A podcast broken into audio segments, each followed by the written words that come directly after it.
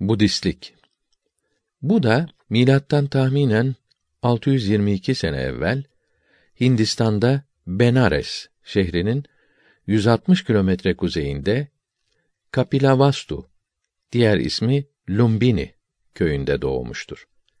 Asıl adı Gautama veya Siddharthe'dir. 29 yaşında bir ormanda inzivaya çekilerek şiddetli bir riyazet, açlık çekmiştir. Riyazet ile bir şey halledilemeyeceğini anlayarak normal hayata dönmüş ve tefekküre dalmıştır. Nihayet 35 yaşında Neranjara nehri kenarında bir incir, bo ağacı altında oturup düşünürken zihni aydınlanmış, böylece Gutama, Buda olmuş, 80 yaşında ölünceye kadar fikirlerini, düşüncelerini yaymaya çalışmıştır. Bu da Brahma itikadının inanışının bozulduğunu, puta tapmanın yanlış olduğunu söylemiştir. Onu dinleyenler arkasından gittiler. Bu da kendisinin ancak bir insan olduğunu söylüyor ve hiçbir zaman ilahlık iddia etmiyordu.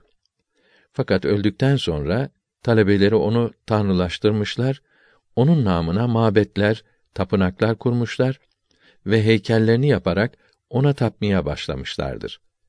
Böylece Budizmi putperestlik şekline sokmuşlardır. Budistlikte tanrı yoktur. Budist kâfirlerinin batıl dinlerinde dört esas vardır. Şöyle ki: 1. Hayat ızdırab ile doludur. Zevk ve safa bir hayal, bir aldatıcı rüyadır. Tevellüt, ihtiyarlık, hastalık ve ölüm de acı bir ızdıraptır. 2. Bu ızdıraplardan kurtuluşa mani olan şey, bilgisizlik yüzünden kapıldığımız hevesler ve ne olursa olsun muhakkak yaşamak arzumuzdur. 3. ızdırabı yenmek için bütün geçici heveslerle birlikte muhakkak yaşamak arzusunu da terk etmek gerekir. 4. Yaşama hevesinin izalesiyle insan rahata kavuşur. Bu hale nirvana ismi verilmektedir. Nirvana hiçbir hevesi ve ihtirası olmayan bir insanın dünya zevklerinden içtinab ederek kutsi istirahate kavuşması demektir. Bu da insanların saadete kavuşması için sekiz yol tavsiye etmektedir. Bu yollar aşağıda yazılıdır. Doğru itikat, doğru karar, doğru söz, doğru hareket, doğru hayat, doğru çalışma, doğru tefekkür, doğru muhakeme. Bu da Brahma dinindeki bütün sınıfları reddeder. Brahman sınıfının imtiyazlarını tanımaz ve onlara ayrı bir üstünlük vermez.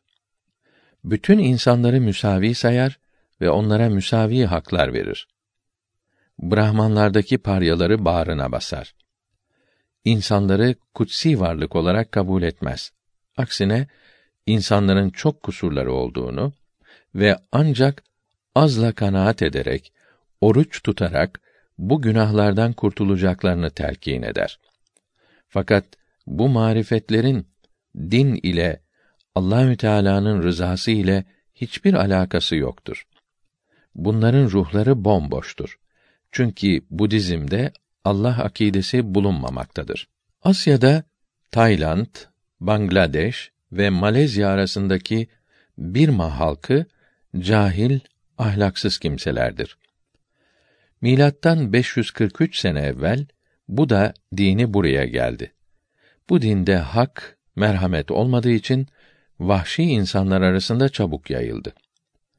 On asır sonra Hindistan'dan gelen Müslüman tüccarlar İslamiyeti getirdi.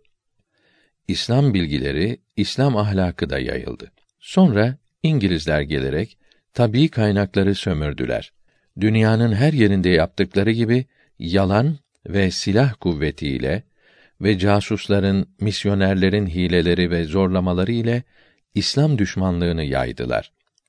İkinci Cihan Harbi'nden sonra İngilizler çekildiyse de İslamiyete saldıran vahşi bir canavar sürüsü bıraktılar. zulümden kaçan din adamlarının mektuplarından anlıyoruz ki Birma askerleri evleri basıp erkekleri öldürüyor, kadınları kızları götürüp her kötülüğü yapıyor, edep yerlerini kestikten, gözlerini oyduktan sonra ölüme terk ediyorlar.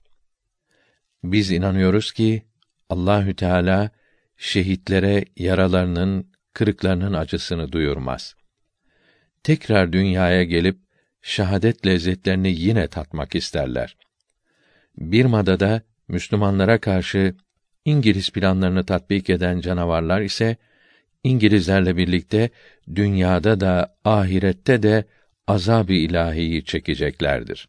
Milattan 479 sene evvel 70 yaşında vefat etmiş olan Konfüçyüs Çinli bir feylesof idi. Ahlak ve devlet idaresi üzerinde yazdığı kitaplarıyla meşhur oldu. Felsefesi sonradan dini mezhep şekline sokuldu. Kitaplarında semavi dinlerle alakalı hiçbir malumat yoktur.